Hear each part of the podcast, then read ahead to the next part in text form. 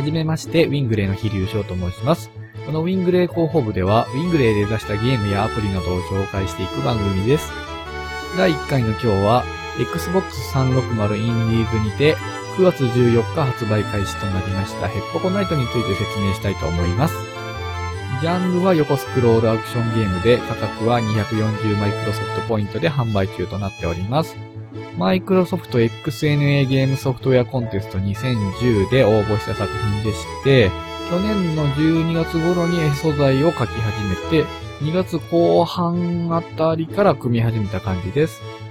ツールとしてはアクションゲームスクールを使用してます。で、締め切り前日の3月31日でしたかね。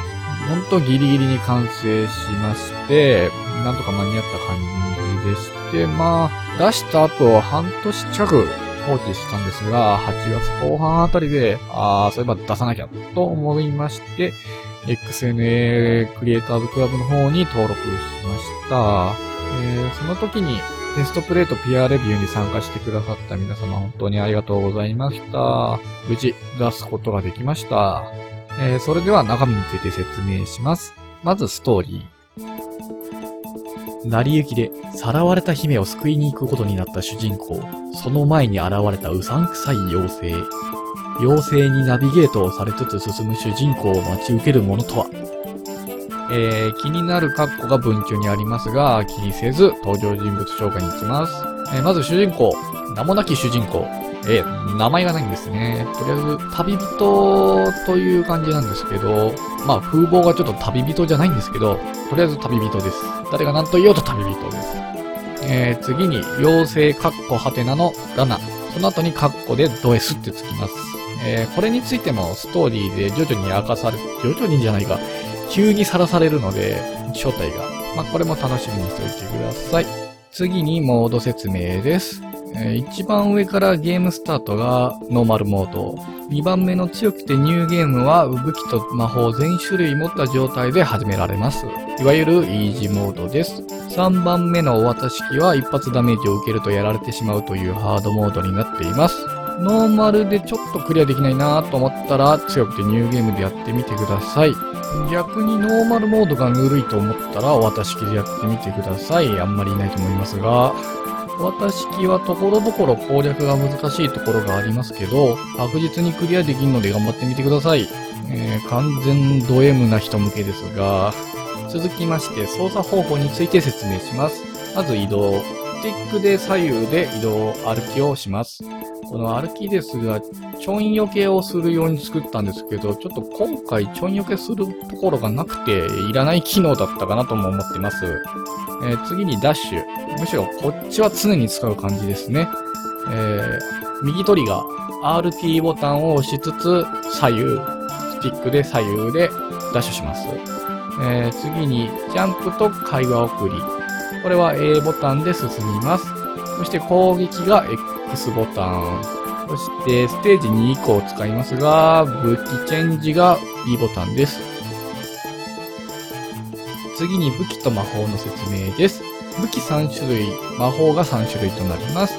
えー、まずは初期装備のソード。通常攻撃は X ボタンで、ジャンプ中に上と X ボタンで上に向けて攻撃。ジャンプ中に下を押しながら X ボタンで下に向けて攻撃になります。えー、次にスピア。X ボタンで進行方向にスピアを投げます。上を押しながらで上に向けても打てます。えー、っと、下に向けては投げられないので注意してください。あと、ダッシュジャンプ中に投げると失速するので、これも注意してください。次にアックス。X ボタンで攻撃。これ範囲と威力がかなり大きいです。そしてジャンプ中に X ボタンで地面につくまで攻撃し続けます。高いところから降りるときはこれを活用してみてください。えー、この武器ですが他の武器と違って装備してる間はダッシュできないので注意してください。あと攻撃した後の隙も大きいので使いどころに注意です。次にファイヤー。ここから魔法です。これは近くの敵に自動追尾なので、どの方向で X ボタンを押しても動くものに向かっていきます。敵以外にプレイヤーが乗る移動床や敵の弾に反応するので注意してください。次にアイスカッター。X ボタンで進行方向に向かって貫通する球を出します。上を押しながら X ボタンで上に向かって打ちます。あと、ジャンプ中なら下に押しながら X ボタンで下にも打てます。ステージ5はこれでまとめて敵を倒せるところがいくつかありますので、ぜひ一網打尽にしてみてください。えーもう一つ魔法があるんですが、実際それはストーリーを進めてみて確認してみてください。うん、強くてニューゲームを初めからやってしまうとバレバレなんですけど、まあ、できればストーリーで確認してみてください。続きまして、ボスについて。えーボスについては攻略法が色々あるので、ボスの動きをしっかり見極めて頑張ってみてください。えー序盤ならゴリ押しで倒せるっていうのもいますので、あと、容量の都合上入らなかったステージ1から3のクリア後の会話を YouTube にアップしてありますので、ホームページのヘッポコナイトのページでご覧になってください。ヘッポコナイトの説明は以上となります。興味の湧いた方はぜひお試し版でもいいので体験してみてください。ホームページの方に Xbox Live へ飛ぶアドレスもありますので確認してみてください。では、ここで Xbox 360インディーズの次の作品の話をちらっと。次の作品はあざとく忍者ものにする予定です。絵的にはこんな感じですね。まあ、いつもと顔変わりませんが、えー忍者もののシューティングゲームになる予定ですので、楽しみにしておいてください。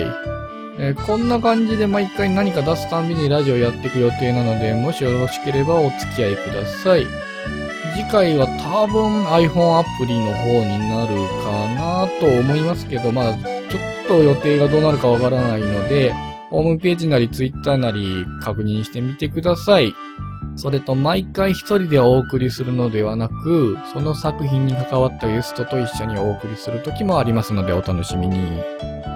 というわけで、第1回ウィンクレイ広報部をこれで終了したいと思います。ここまで聞いてくださった方ありがとうございます。それではまた次回お会いしましょう。